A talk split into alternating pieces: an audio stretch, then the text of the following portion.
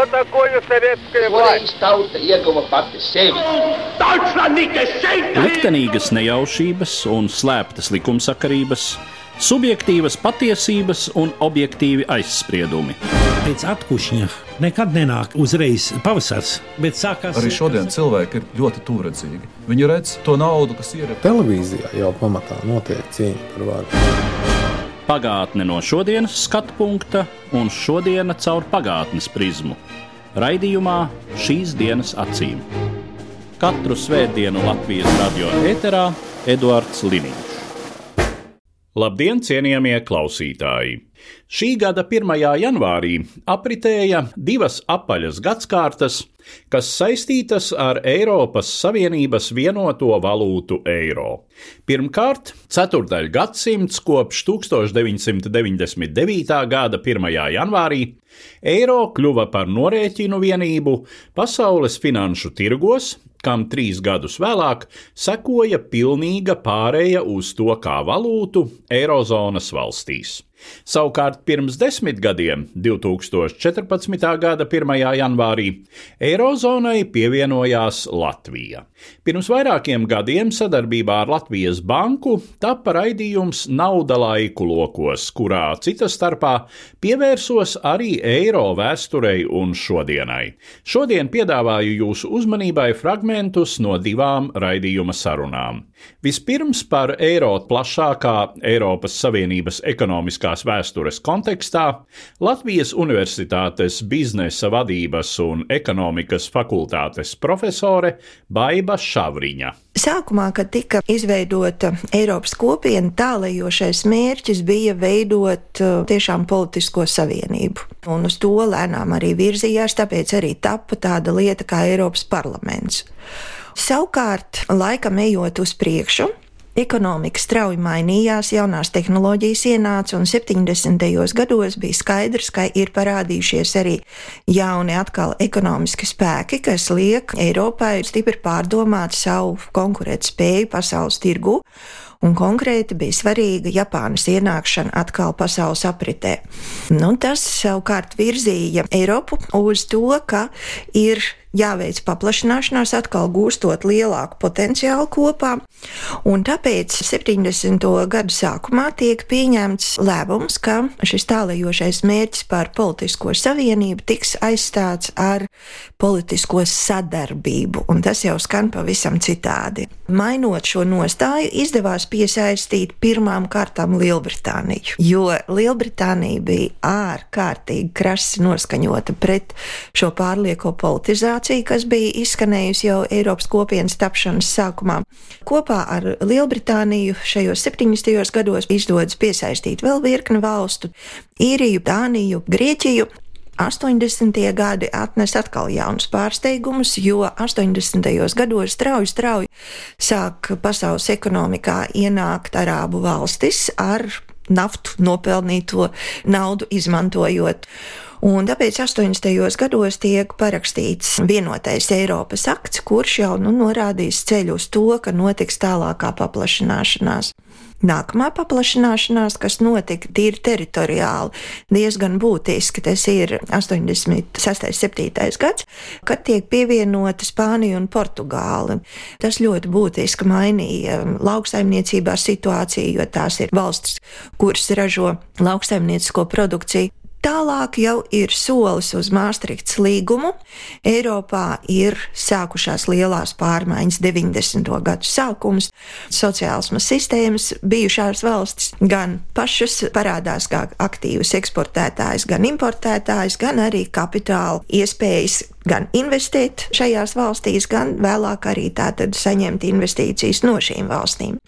92. gadā, parakstot Māstrītas līgumu, ir paredzēta nākamā paplašināšanās, kas notiek 95. gadā, kad mums tā tad izveidojas 15 valstu jau Eiropas Savienība, jau ar šo nosaukumu, kur ir izgājusi visas integrācijas stadijas. No muitas savienības tālāk uz kopējo tirgu un uz ekonomisko savienību. Un jau ar Eiropas Savienības izveidošanos ir skaidrs, ka tiks veidot arī vienota valūta. Bet Te nu ir tas mums svarīgākais brīdis, kad tiek ieviesta vienota valūta, patiesībā nozīmē pirmo soli uz politisko savienību atpakaļ. Tātad, respektīvi, mēs nonākam pie tā, ar ko Eiropa ir sākusi šī ideja veidot vienotu veselumu, ministru kabinets, nu labi, mēs to saucam par komisāriem, vienalga. Tālāk parlaments, tālāk vienota valūta, tālāk mēs runājam par tiesu, mēs runājam par centrālo banku, mēs runājam pat par konstitūciju. 2005. gadā tiek izstrādāta konstitūcija, un konstitūcija ir tikai vienotai valstī. Šīs konstitūcijas pieņemšana gan beidzās diezgan bēdīgi, jo to pārtrauca pusceļā. Mēs varam pasakot līdzi, kā ir veidojis veidojusies šo tā saucamo četru brīvību attīstība Eiropas Savienībā. Tas ir bijis ļoti pakāpeniski. Vispirmām kārtām tās bija rūpnieciskās preces, kurām ir atļauta brīvu kustība. Stipri vēlāk tās būs lauksaimniecības preces, un, lai varētu nodrošināt lauksaimniecības preču šo brīvo pārvietošanu, jau bija nepieciešamība pēc vienotas norēķinu vienības. Tā ir tā saucamā EUA, European Unit of Account, kur pastāvēja tikai uz papīra. Tātad, respektīvi, naudas summas, kuras tika savstarpējos norēķinos pārskaitītas no vienas dalību valsts uz otru, tās notika šādās norēķinu vienībās. No EUA mums izauga vēlāk EKIS, tātad eh, European Currency Unit, un tā vienotā valūta, kur vajadzēja eh, ieviest, tam bija jābūt ekijām, un bija pat izstrādātas arī skices un nokaltas pirmās monētiņas. Tad pēkšņi nāca šī ideja par eiro.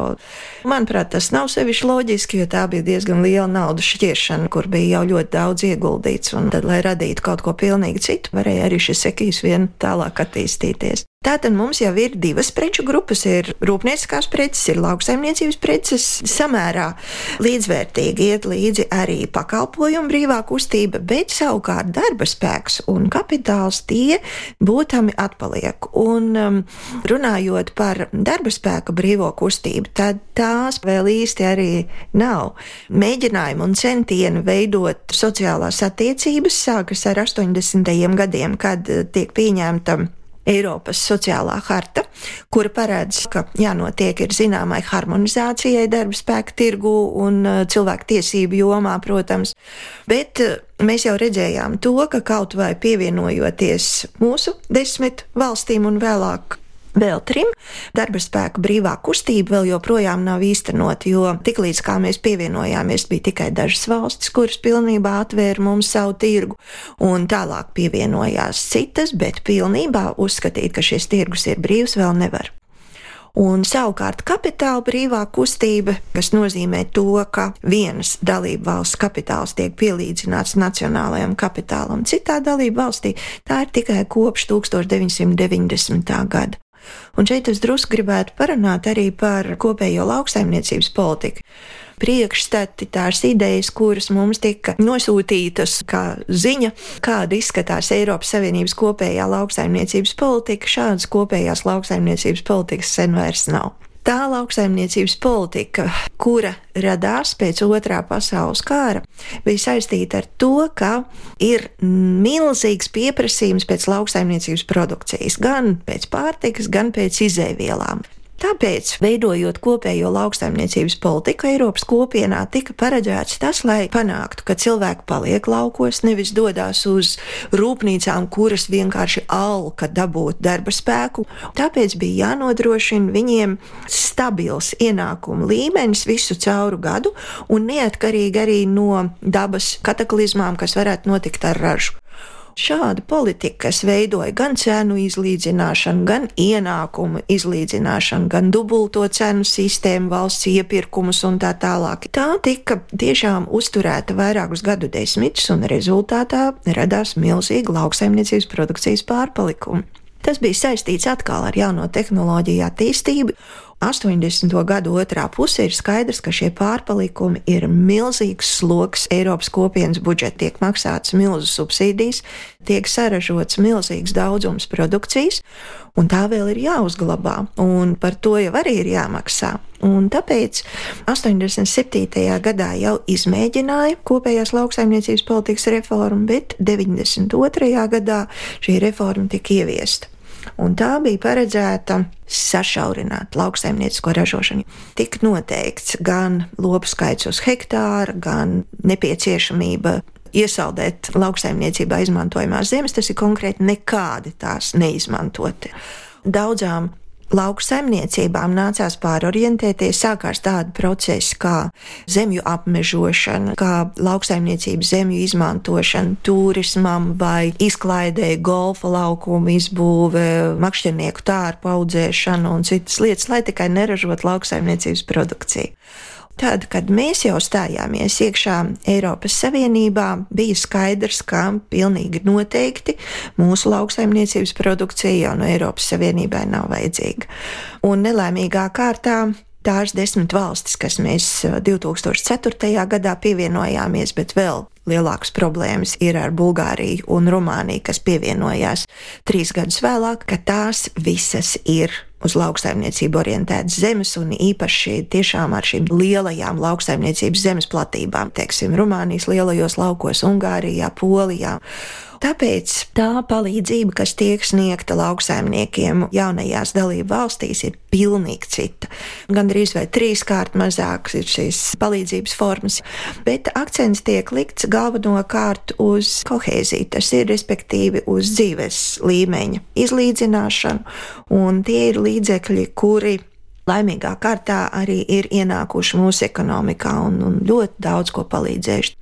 Tad, kad Latvija uzsāka 90. gadu nogalē savus centienus iestāties Eiropas Savienībā, mēs primāri uzsvērām tos politiskos aspektus, kādiem kritērijiem ir jāatbilst iestājoties, demokrātijas standarti, tiesiskums. Cik lielā mērā tie ekonomiskie aspekti arī tika vērtēti, vai valsts ekonomiski ir gatava un atbilst kritērijiem? Es domāju, ka uz tiem skatījās daudz mazāk, jo savukārt bija citas prasības, kas nāca no citas puses, bet arī no ārpuses. Tātad pirmām kārtām šeit ir jāmin Starptautiskais valūtas fonds, kurš Kā mēs zinām, visā centrālajā un austrumu Eiropā, lai īstenot pārēju no komandu ekonomikas uz tirgus ekonomiku, piešķīra aizdevumus ar to nosacījumu, ka šīs valstis izdarīs veselu virkni reformu. Šeit ietilpa gan valsts sektora izformēšana, pārcelšana uz dažādām citām īpašumu formām, privatizācija, ekonomikas atvēršana, nacionālās valūtas konvertējamības nodrošināšana, cīņa pret ārējo parādu un inflāciju un tā tālāk. Un tāpēc es negribētu teikt, ka te ir liels Eiropas Savienības nopelns, jo tad, kad mēs arī iestājāmies, īpaši pirmajos gados, visi rietumnieki, nu man parasti jautāja, nu kā jūs izjūtat to pozitīvo efektu, ko ir devusi iestāja Eiropas Savienībā, nu bezmaz nākamajā nedēļā. Bet patiesība bija tāda, ka mūsu rādītāji bija skaisti jau auguši, un tas bija tiešām veidojies jau ļoti ilgus gadus ar ļoti smagām pūlēm un, un jāsaka arī upuriem. Un, tika gatavota tā augsne, un tāpēc tas fakts, ka mēs iestājāmies, tūlītējs rezultātus nedēļ. Bet pēc tam, gan, kad notiek pielāgošanās, kad notiek arī lielāka šīs izpratnes veidošanās par to, kā funkcionē Eiropas kopējais tirgus, kādas preces tur ir nepieciešams, ko mēs savukārt no šī tirgus varam iegūt, tad tas efekts, protams, ir. Savā ziņā uz mums gaidīja kā uz lētā darba spēka valsti uz mums gaidīja kā uz lēto izmaksu valsti. Un šajā ziņā mēs jau Eiropas Savienību sākam pievilt, un tas nu runā mums par labu. Bet uh, mūsu ekonomika šobrīd ir ļoti atkarīga no tā, kādā stāvoklī ir Eiropas Savienības ekonomika. Ja mūsu galvenie eksporta partneri būs labā ekonomiskā stāvoklī, tad arī mūsu ekonomika būs kārtībā. Bet ir savukārt viens bīstamais moments, un tas ir saistīts ar eiro, jo Tad, kad mēs ieviesām eiro, mēs esam atteikušies no viena ļoti spēcīga instrumenta, kas var regulēt tautsēmniecību, un tas ir, mums vairs nav savas monetārās politikas. Mēs esam palikuši tikai ar vienu lielu ieroci, un tas ir fiskālā politika. Un fiskālā politika nevienmēr visiem ir saprotama, nevienmēr visiem ir akceptējama vai patīkama. Turpinājumā fragments no sarunas ar ekonomisti, tobrīd Latvijas Bankas starptautisko attiecību un protokola daļas vadītāju Aleksandru Bambali. Jebkura ekonomiskā zona agri vai vēlu praktiski nonāk pie vienotas aprēķina vienības, vienota maksāšanas līdzekļa, jo citādi ekonomiskai zonai praktiski nav iespējams sasniegt savu visaugstāko efektivitāti. Un vienotais tirgus bez vienotas valūtas, protams, nevar strādāt pilnvērtīgi.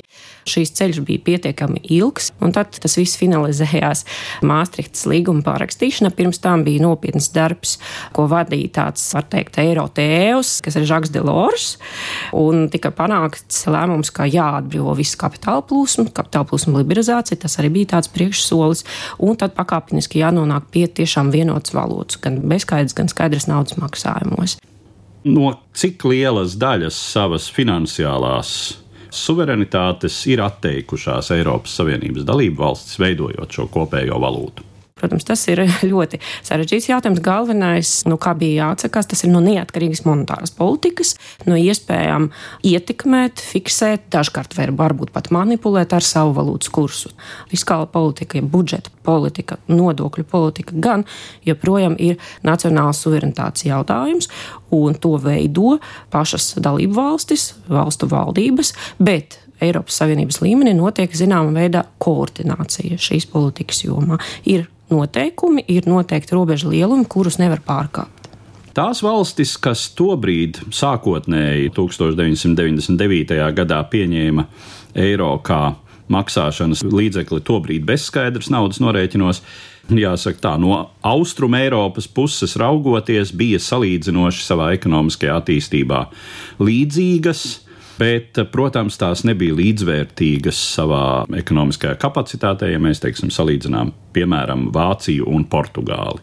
Un, protams, šajās valstīs bija katrai sava valūta ar savu vēsturi. Kā notika šī saskaņošanās kaut vai par eiro vērtību, apmaiņas kursu pret visām vecajām valūtām? Bija izveidots noteikts mehānisms, praktiski, ko valsts apsprieda un ko valsts arī pieņēma. Un pēc tā mehānisma tas ir ļoti interesants, starp citu, tāds uh, fakts, ka gala kursu noteica tiešām iepriekšējā vakarā pirms ieviesa eiro bezskaidrs naudas maksājumos. Salīdzinot, piemēram, ar jaunajām dalību valstīm, kas pievienojoties eiro jau pusgadu vismaz iepriekš, kurs tika nofiksēts, tad pirmajā viļņa valstīm kurs tiešām tika nofiksēts iepriekšējā vakarā. Un uh, var ļoti daudz diskutēt arī visās tās vecajās dalībvalstis droši vien publika diezgan daudz diskutēja, vai Marka ir atbilstošs šis kurs, vai Itālijas līra nebija pārvērtēta, vai tieši otrādi par maz novērtēta. Bet mehānisms bija viens, par to vienojās, un tas tiešām ir diezgan unikāli, ka dalībvalstis spēja vienoties gan par pašu valūtu, gan par visiem šiem priekšnosacījumiem. Jo skaidrs, ka katrs var nedaudz vinēt, nedaudz zaudēt, neviens nekad nav tikai vinētājos. Šī bilde vienmēr ir kompromisa veidošana. Protams, tur bija arī palīdzējis tas, ka iepriekš bija ekijs, kurš arī tika nofiksēts jau pēc valūtām, tā kā tas mehānisms nebija nekas principā jauns. Dalībvalsts ar to jau kādu brīdi jau dzīvoja. Acīm redzot, jau tās bažas, kas bija pirms eiro ieviešanas, ir līdzīgas tām, kuras mēs arī diezgan labi atceramies no Latvijas pārējais brīža. Tātad pirmām kārtām kā uzvedīsies cenas katrā dalību valstī.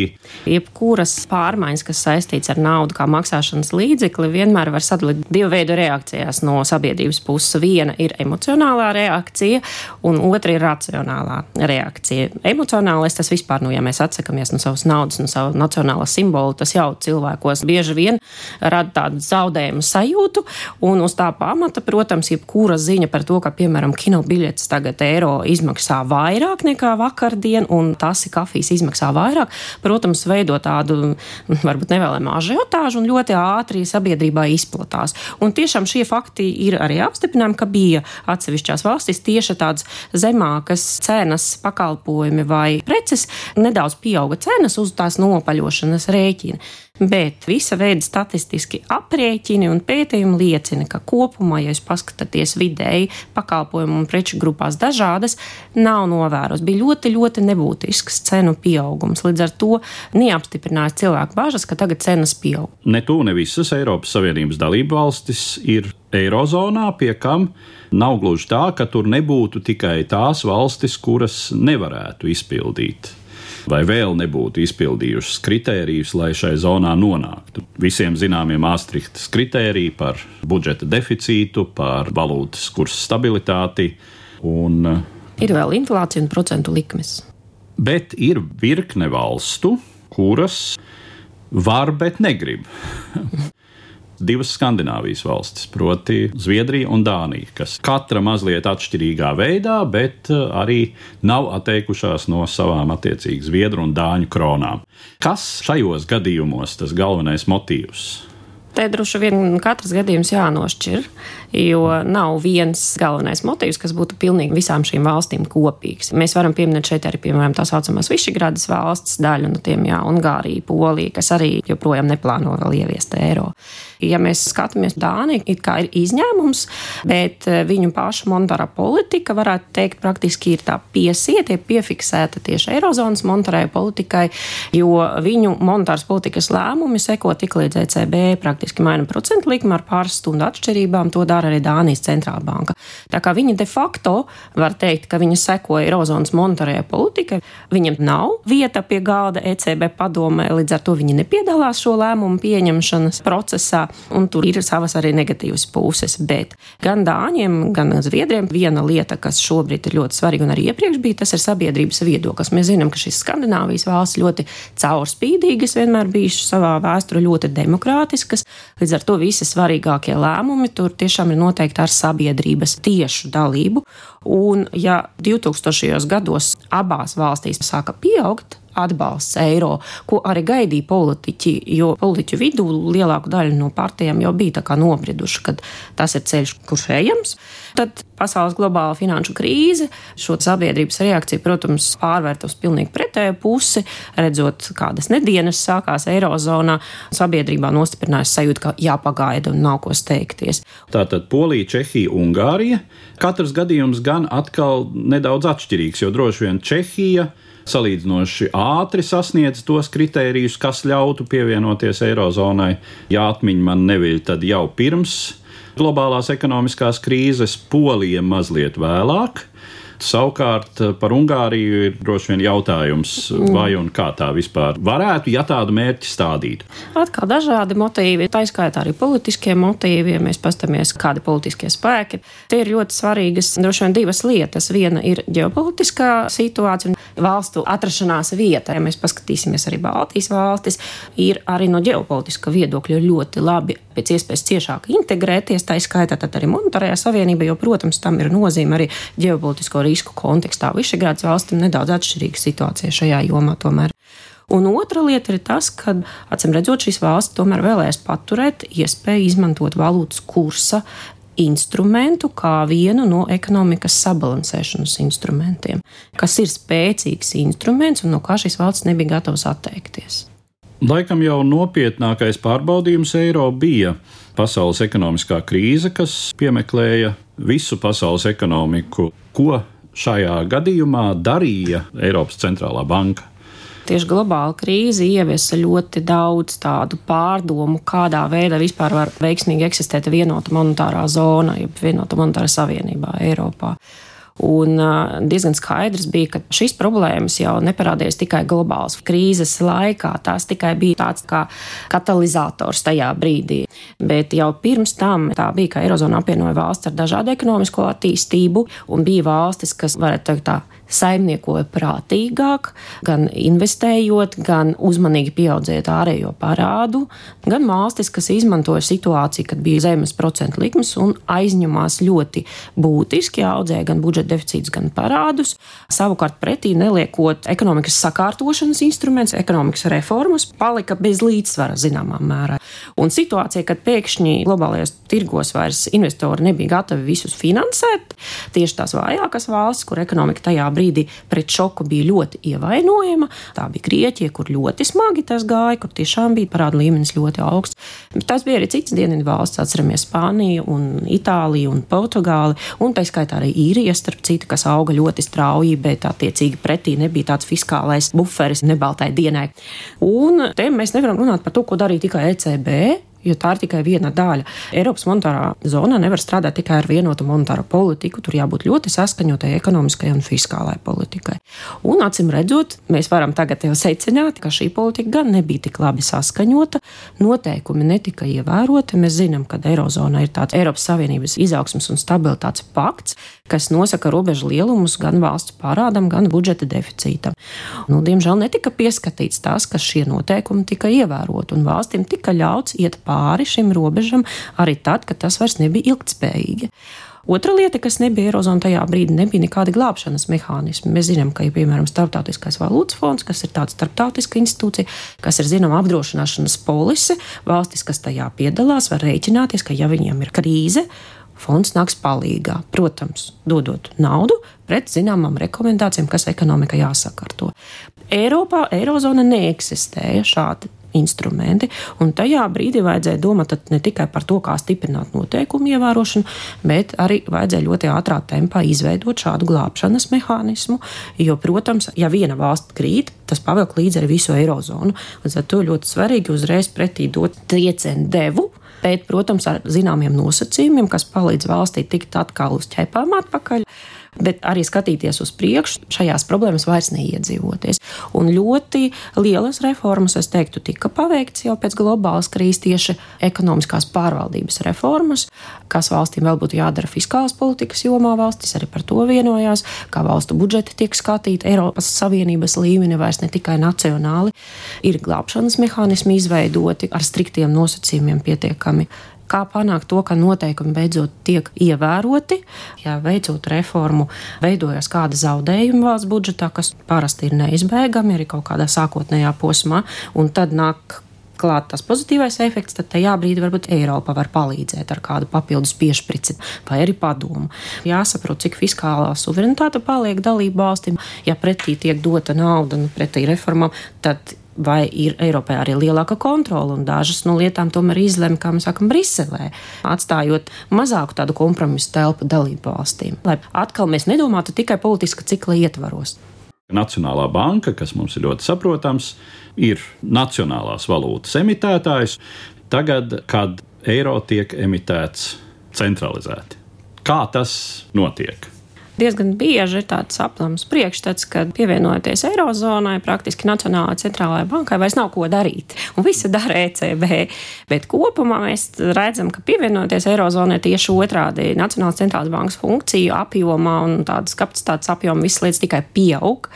Tas, kas notiek monetāras politikas jomā, jā, šis ir vienots lēmums, bet šo lēmumu pieņem visi kopā, respektīvi ECB padomi, kurā ir gan ECB valdes locekļi, tā skaitā ECB prezidents, gan katras Nacionālās centrālās bankas prezidents, kuriem, protams, pirms lēmuma pieņemšanas tiek veikta ekonomiskas situācijas analīze katrā no dalību valstīm. Arī tā skaitā Latvijas bankas speciālisti analizē gan Latvijas ekonomisko attīstību, kā tas viss ieguļās kopējā eirozonas gultnē, kas notiek citās eirozonas valstīs, un tā praktiski katrā centrālā banka veido savu viedokli, kas būtu labāks nosacījums, kur rodas kaut kādas bāžas, kas jāņem vērā, pieņemot monetāras politikas lēmumus, un tas viss tiek apspriest pie viena galda. Katram katram prezidentam ir sava viena balss. Un tiek atrasts kompromiss, kas nekad tādā vienotajā zonā, kur nav visas valsts pilnībā konverģējušas, pilnīgi līdzīgās ekonomiskās situācijas, tas nekad nebūs win-win, ka visi saņem tādu pozitīvu tikai. Jā, vienmēr tas ir tāds kompromiss zināms.